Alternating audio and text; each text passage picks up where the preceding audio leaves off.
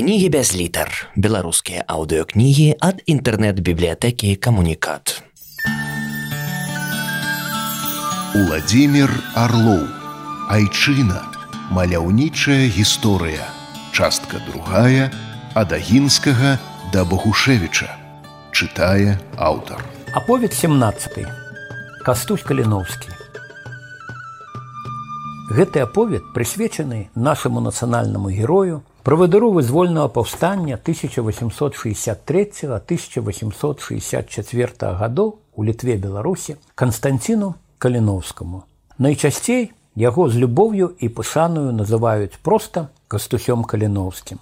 Гэты чалавек марыў правольную будучыню для народаў былой рэчы паспалітай і найперш для сваіх суайчыннікаў беларусаў.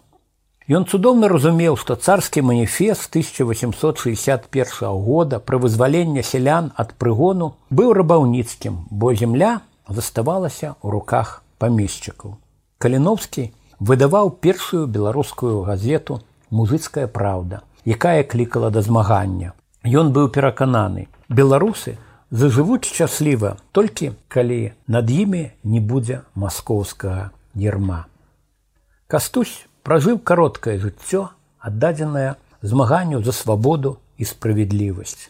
Пра яго напісаныя мастацкія кнігі і гістарычныя працы, знятыя фільмы, мастакі і скульптары стварылі дзясяткі партрэтаў правадара паўстанцаў. Ягоным імем у гарадах і мястэчках Беларусі названыя вуліцы. Аднак Каліноўскі і сёння выклікае ненавісць у тых сілаў, што хочуць зноў зацягнуць незалежную Беларусь у расійскую імперію. Будучы паўстанскі камандзір нарадзіўся 2 лютага 1838 года у беларускай вёсцы мастаўляны на беразе свіслачы. Вёска спрадвеку была ў гарадзенскім павеце, аднак цяпер яна у падляскім воеводстве Польшчы. У мастаўлянах, што зусім побач з мяжой Беларусі і сёння гавораць па-беларуску. Да 150 угодкаў паўстання каліновска там усталявалі помнік славутаму земляку.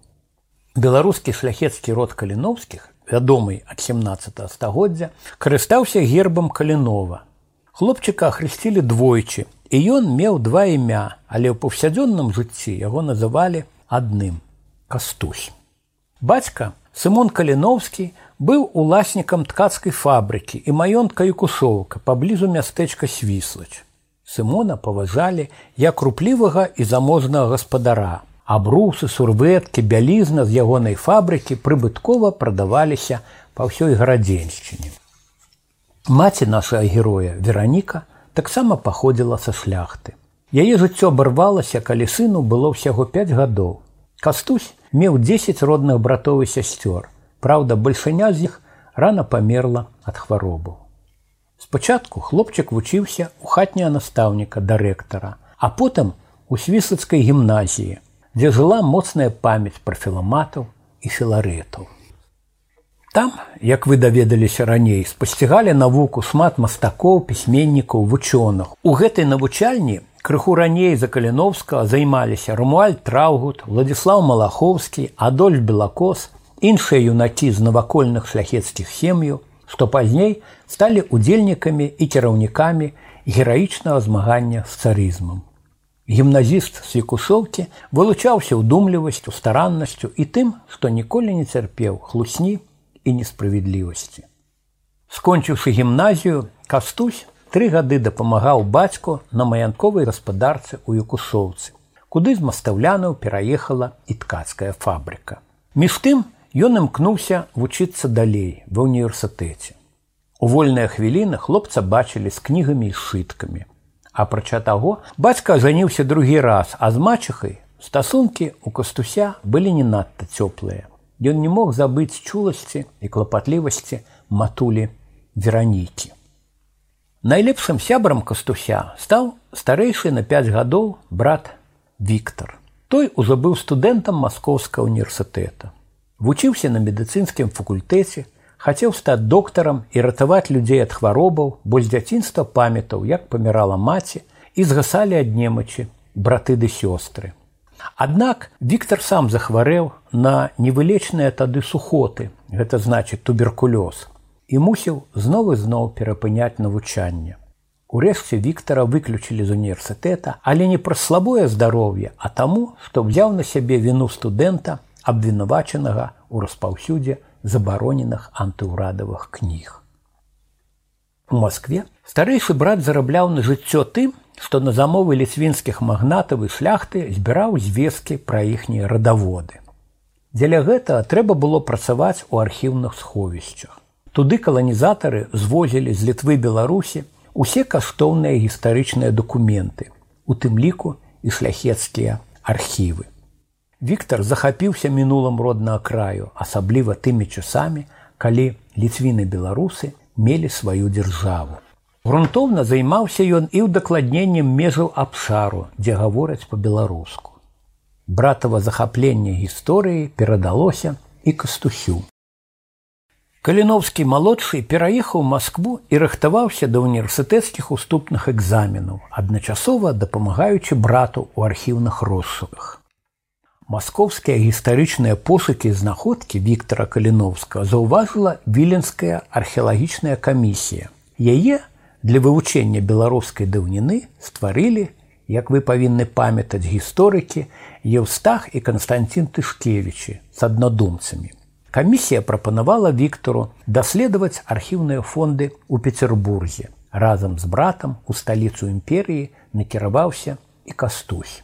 Старэйшая Каліновска найчасцей можна было сустрэць у петербургскай публічнай бібліятэцы. Ён бываў там штодня і заслужыў у прыяцеля ў мянушку бібліятэкар. Віктор пісаў, што асабліва радаваўся, калі да рук траплялі дакументы на гаворцы крывіцкай, якую можна называць беларускай. Ён жыў сціпла, а большую частку заробленых грошай траціў на кнігі, забраўшы бібліятэку з 200 тамоў пра гісторыю вялікага княства літоўскага. Але Віктор меў важныя справы і за сценамі архіваў і бібліятэк. Яго нездарма называлі другім тамашом занам. Як і кіраўнік філарэтаў Віктор самааддана працаваў у падпольных суполках, рыхтаваў да ўступлення ў іх моладзь. Ягоным выхаваўцам быў сын расійскага купца мільянера Миколай Уцін, што стаў адным з кіраўнікоў рэвалюцыйнага таварыства земля і воля. У жніўні 1862 года над Віктарам навісла пагроза арышту. Тым часам дактары паведамілі, што сухоты пакідаюць яму усяго некалькі месяцаў жыцця. Астатнія дні каліновскага старэйша прайшлі ў бацькоўскім доме. Віктор пахаваны ў мястэчку свіслач. Цяпер там штогод святкуецца дзень памяці паўстанцаў. Пакланіўшыся Віктаравай магіле, яго ўдзельнікі наведваюць вёску Якушоўка. На месцы колішняга маёнтка каліновскіх усталяваны мемарыяльны камень. Калі яго і адбываюцца ўрачыстасці, дзе выступаюць пісьменнікі, музыкі, палітыкі. Цяпер даведаемся, што адбывалася тады з каліновскім малодшым. Канстанцін вучыўся на юрыдычным факультэце петербургска універсітэта.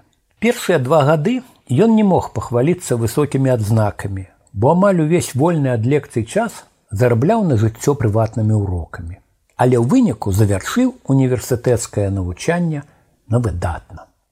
Выкладчыкі і не здагадваліся, што гэты выдатнік разам з братам Віктарам уваходзіць у рэвалюцыйны гурток суайчыннікаў афіцэраў генеральнага штаба расійскай арміі. Суполка дзейнічала пад кіраўніцтвам будучых выжакоў вызвольнага руху зыгмунта сераковскага і Ярослава дамброўскага.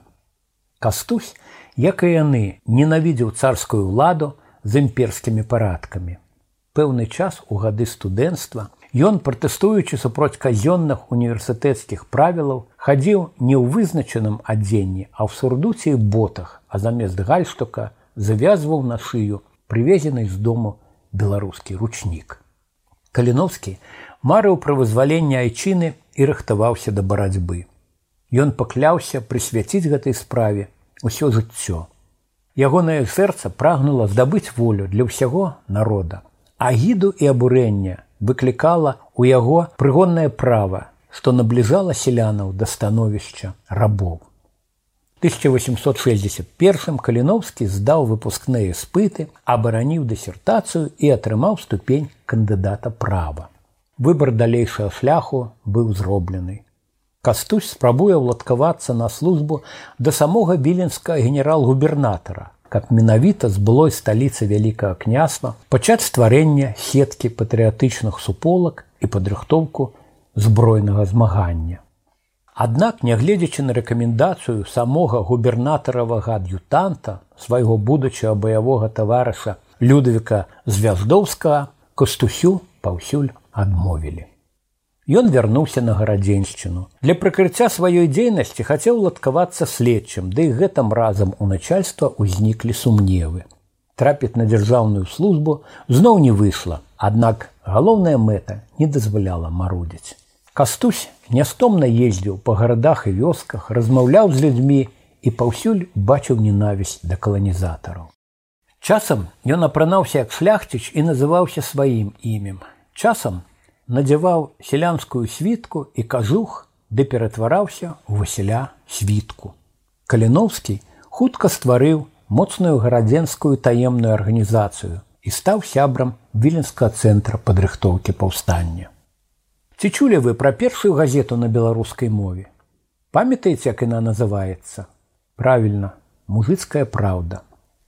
Улетку 1862 года у беларускіх вёсках і мястэчках пачалі знаходзіць невялікія друкаваныя аркушы. У хвіліны адпачынку іх можна было разгладзіць на каленях, а пачытаўшы лёгка схаваць.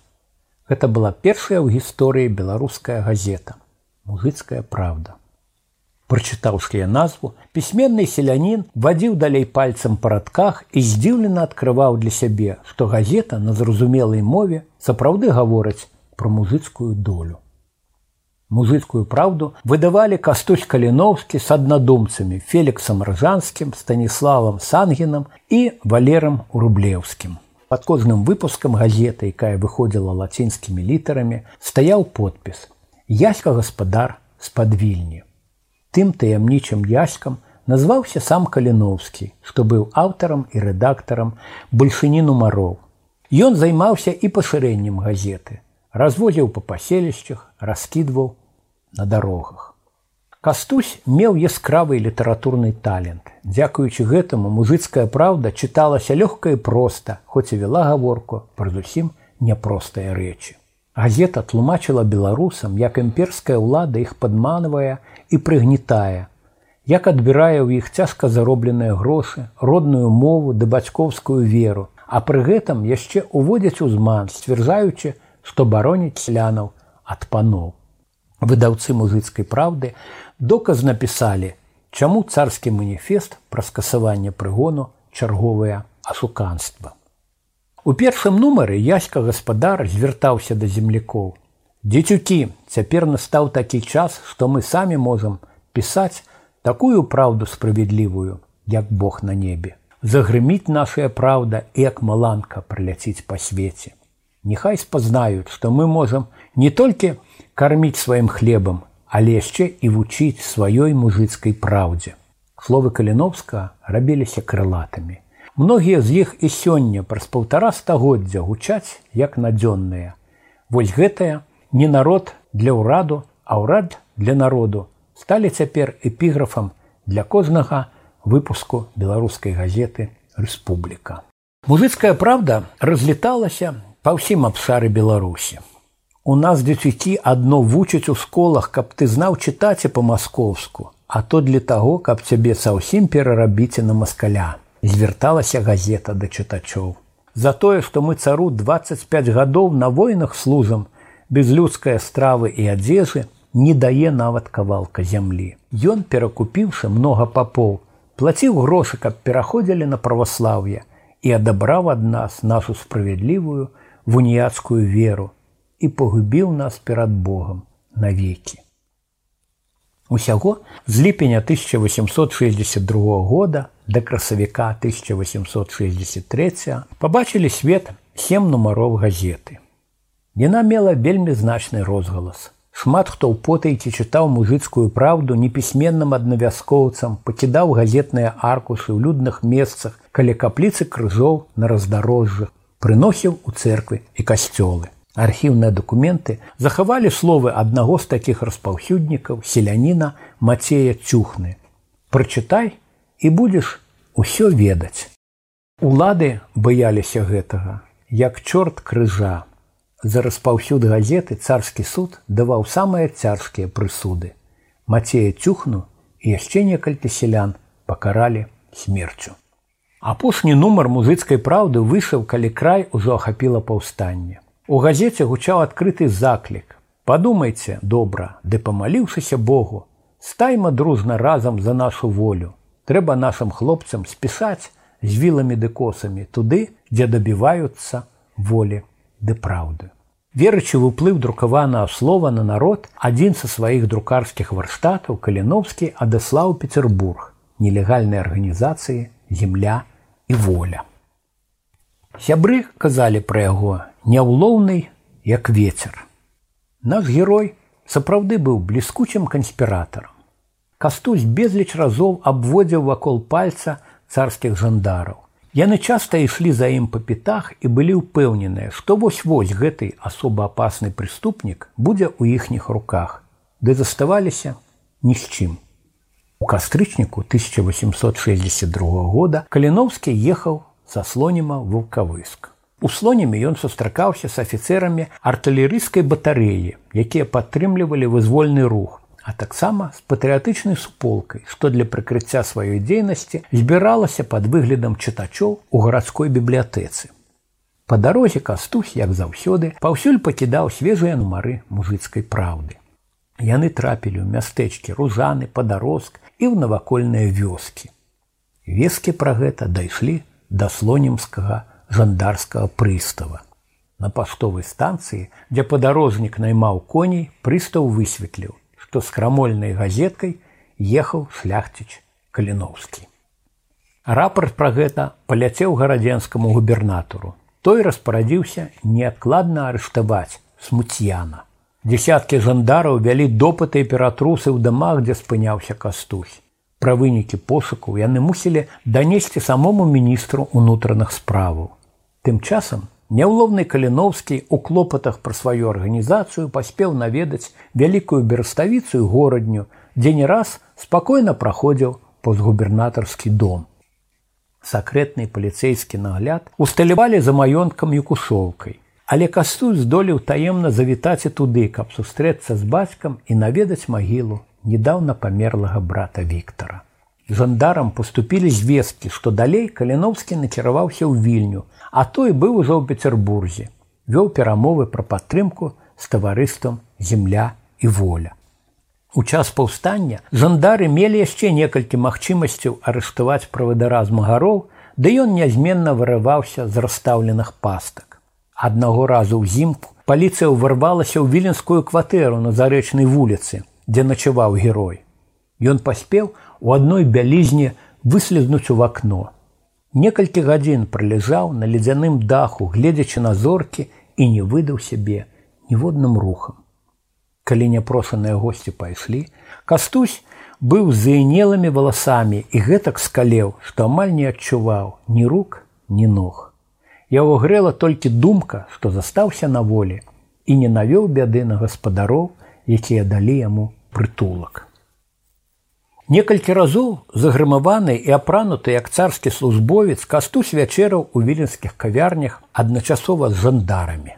Тыя мелі падрабязнае апісанне паўстанцкага кіраўніка, аднак і ўявіць не маглі, што той п'е каву за суседнім сталом.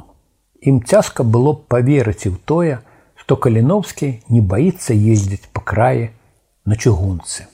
У канспірацыі нашаму герою дапамагала веданне не толькі беларускай, польскай, расейскай моваў, але таксама французскай і нямецкай. Яшчэ ў восень 1862 года Каліновскі ўзначаліў літоўскі правінцыйны камітэт, які рыхтаваў збройную барацьбу у літве Беларусі. З пачаткам паўстання, пра якое вы больш даведаецеся з наступнага аповеду, літоўскі камітэт абвясціў сябе часовым урадам. Кастусь не хацеў падначальвацца варшаўскаму кіраўніцтву і патрабаваў раўнапраўя вельні з варшавай. Каліновскі і яго паплечнікі, якіх называлі чырвонамі, выступалі за роўнасць усіх жыхароў краю і за перадачу зямлі селянам. Часовы ўрад рассылаў камандзірам інструкцыю, якая патрабавала судзіць самых жорсткіх прыгнетальнікаў сялян ваенным судом. Каліноўскі лічыў, што ў будучым народы рэчы паспаліты, разарваныя на кавалкі агрэсіўнымі суседзямі, павінны самі вырашаць свой лёс. Ён быў прыхільнікам таго, каб дзяржаўным ладам новых вольных краін была рэспубліка.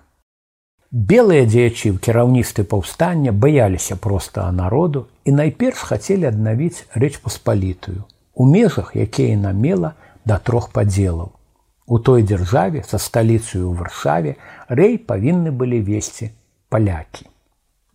Белым удалося адхіліць каліноўска ад кіраўніцтва. Стаўшы паўстанскім камісарам гарадзенскай губерні, ён папоўніў шэрагі змагароў вялікай колькасцю селянаў, што надта не падабалася ягоным варшаўскім праціўнікам. Каляноўскі аб'язджаў павет за паветам. Ён інспектаваў баявыя аддзелы і натхняў паўстанцаў на далейшую барацьбу тыя, хто вылучыўся ў баях, атрымлівалі з рук камісара ўзнагароды. Сваіх баявых медалёў і орданаў нашае камандаванне не мела, а таму героям перад шыхтом пабрацімаў уручалі кветкі. Часта гэта былі белыя суквецці каліны. Засушаную паміж старонкамі паходнага нататніка каліну ад каліноўскага вайрэ бераглі як неацэнны скарб, даражэйшы за ордан. На гарадзеншчыне і віленшчыне каліновскага называлі каралём літвы. Усё часцей казалі, што ён хоча ўтварыць на землях былога вялікага княства літоўска асобную дзяржаву, незалежную ні ад Польшчы, ні ад рассіі. Пра гэтую адданасць айчыне напішуць ва ўспамінах і сябры і ворагі выжака змагароў. Неўзабаве каліновскі і чырвоныя зноў прыйшлі да ўлады ў віленскім паўстанскім цэнтры. Яны выдалі на беларускай мове прыказ да народу зямлі літоўскай беларускай. Там гаварылася, што змаганне з панаваннем чужынцаў справа не панская, а агульная і змаганне ідзе дзеля справядлівай вольнасці. Кастусь зноў засяродзіў у сваіх руках вярхоўную ўладу ў літве Беларусі і праводзіў не прадыктаваную з варшавы, а незалежную палітыку.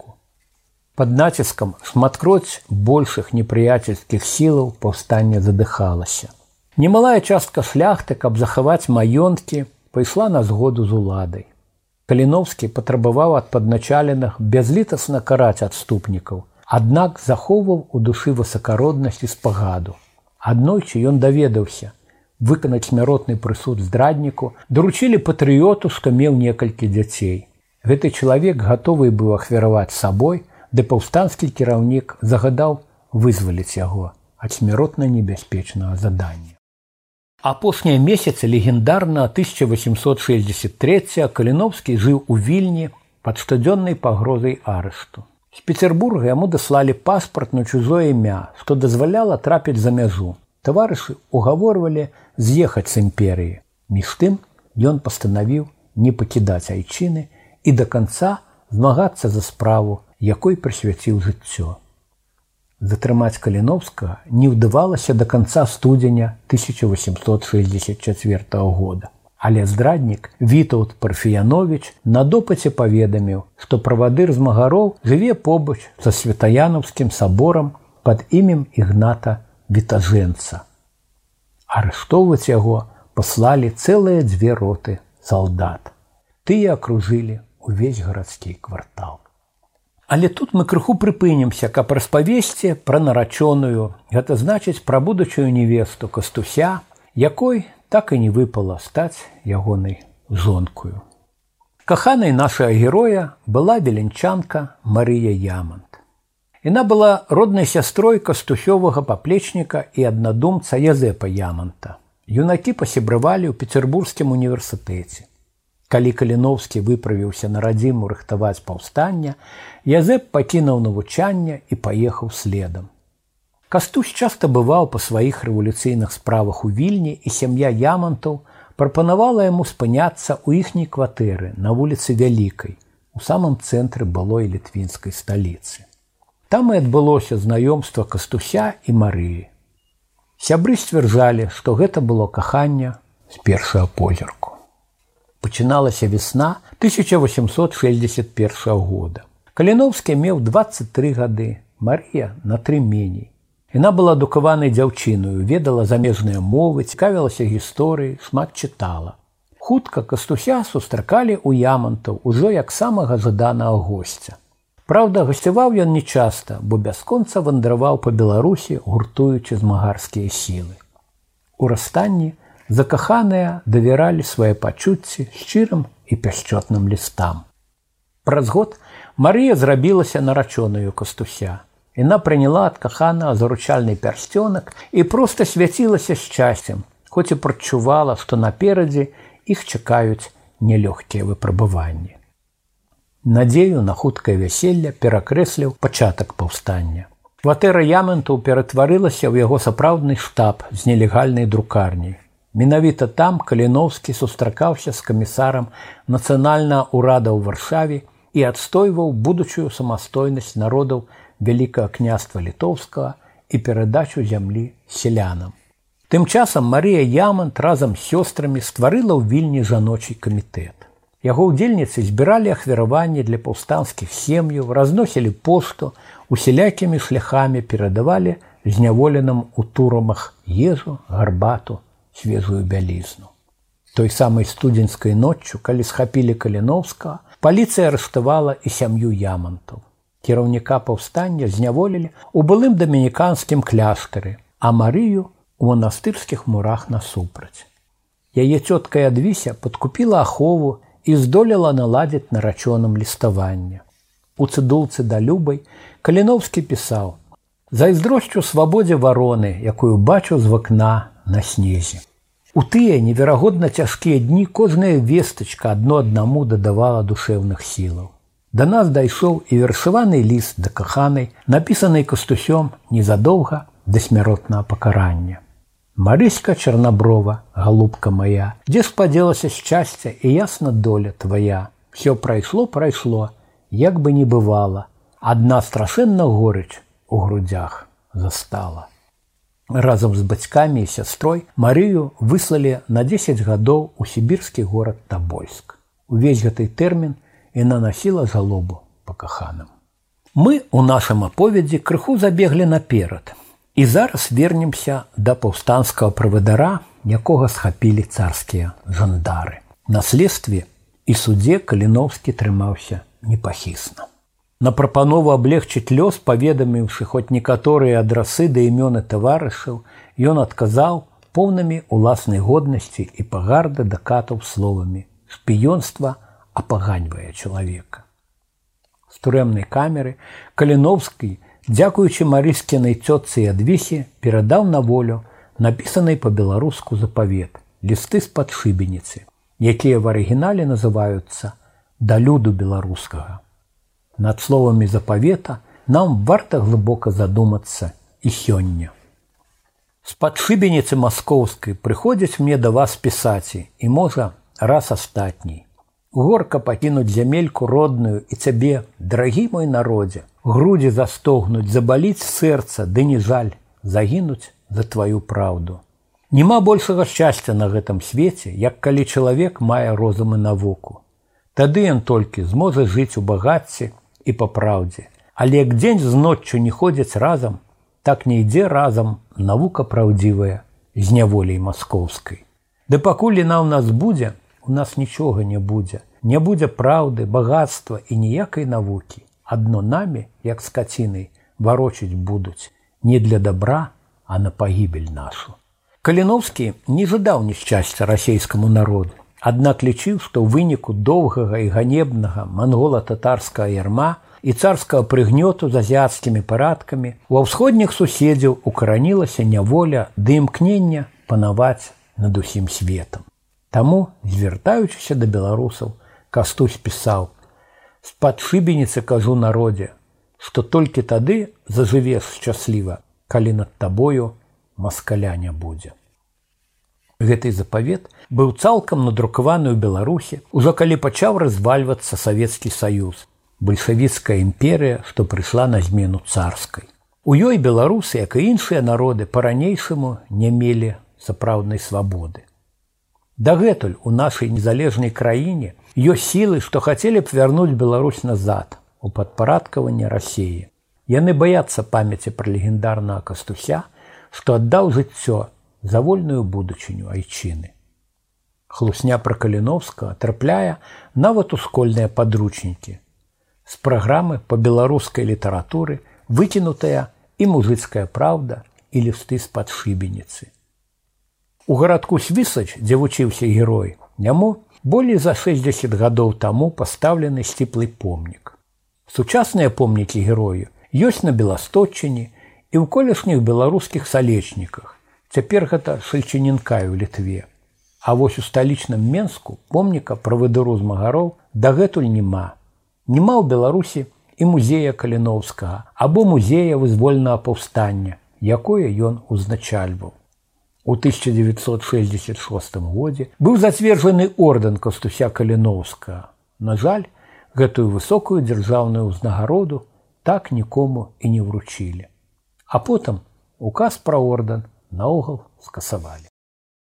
Каб зразумець, чаму так адбываецца, трэба уважліва перачытаць запавет каліноўскага і тое, што ён пісаў у мужыцкай праўдзе. Расійскі суд прыняў пастанову расстраляць каліноўскага. Віленскі генерал-губернатар мурав'ёў, празваны вешальнікам, змяніў пакаранне на павешанне. Смерць на шыбеніцы была больш пакутлівай. Кастусь якому недавно сполнілася ўсяго 26 летавых зім, загінуў ад рук царскага ката 22 сакавіка 1864 года на луційскім пляцы ў вільні. На месцы, дзе гэта адбылося, пастаўленая мемарыяльная пліта. Цела каліновскага перавезлі на замкавую гару і пахавалі разам з яшчэ 20 пакаранымі смерцю паплечнікамі на тэрыторыі царскага гарнізона каб магіла паўстанцкага правадара і ягоных баявых таварышаў не ператварылася ў святое для патрыётаў месца, каланізатары зрабілі там пляцоўку для гульні ў крыкет. Расійскія афіцэры забаўляліся на касцях нашых змагароў да пачатку першай сусветнай вайны, пакуль варожы гарнізон не ўцёк з вільні. У 1920-1930 гады на магіле паўстанцаў стаяў помнік з іхнімі імёнамі. Калі ў 1939 Сталін аддаў вільню літоўцам, мемарыал быў апаганены і знішчаны. Надмагільнага помніка каліновскаму і ягоным баявым пабрацімам не было доўгія дзесяцігоддзі. Аднак у 2016 годзе нечакана дапамог апоўдзень на гары гедеміна, што адкрыў чалавечыя косці. Літоўскія археолагі ўжо проста абавязаныя былі даследаваць даўнюю братнюю магілу. Яны пацвердзілі, што там сапраўды пахаваныя 20 змагароў былі знойдзеныя і парыжкі кастуся каліновска са звязанымі за спіны рукамі. Найверагодней менавіта яму належаў знойдзены ў магіле медальён за браском маці Божай вострабрамскай. Побач з каліновскім царскія салдаты таемна закапалі павешаных або расстралянах паўстанцкіх камандзіраў зыгмунта сераковска цітуса далеўскага і баліслава калышку ксянзоў патрыётаў станіслава і шору і раймунда земацкага удзельнікаў збройнай барацьбы юльяна ляснеўскага александра і язэпа раўкоўскіх караля сіповича Язэпа Яблонскага, Яна Бяньковска, Генрыка Макавецкага, Владзіслава Нікаляя, Альберта Лясковича, Казіміра Сычука, Мечыслава Дармановскага, Ігната Здановича, Якуба Чехановича, Эдварда Чаплінскага і Яна Марачеўскага. Самы малады з іх, Караль Сіпович меў 19 гадоў, а большасці як і каліновскому не споўнілася і 30. Магчыма, у гэтым пераліку герояў ёсць і вашыя продкі. На тым месцы, дзе паўтара стагоддзя знаходзіўся праг герою, павінен быць усталяваны мемарыяльны знак або помнік. Парэшкі паўстанцаў у 2019 годзе урачыста перапахаваныя на віленскіх могілках росы. Шмат хто марыць, што прах каліновскага некалі вернецца ў Беларусь і ягоная магіла стане велічным народным мемарыялам. Калі вы хочаце даведацца пра каліновска болей, абавязкова прачытайце кнігу беларуска архівіста Геннадзя Кісілёва з думай пра Беларусь. Там змешчаны падрабязны летапіс жыцця і дзейнасці паўстанцкага правадара і першага нацыянальна беларускага палітыка. Шмат новых звестак пра нашага нацыянальнага героя вы знойдзеце ў кнізе гісторыкаў Сергея Абламейкі, каліноўскі і палітычнае нараджэнне Беларусі і Васіля Герасімчыка, Канстантин Каліноўскі, асоба і легенда.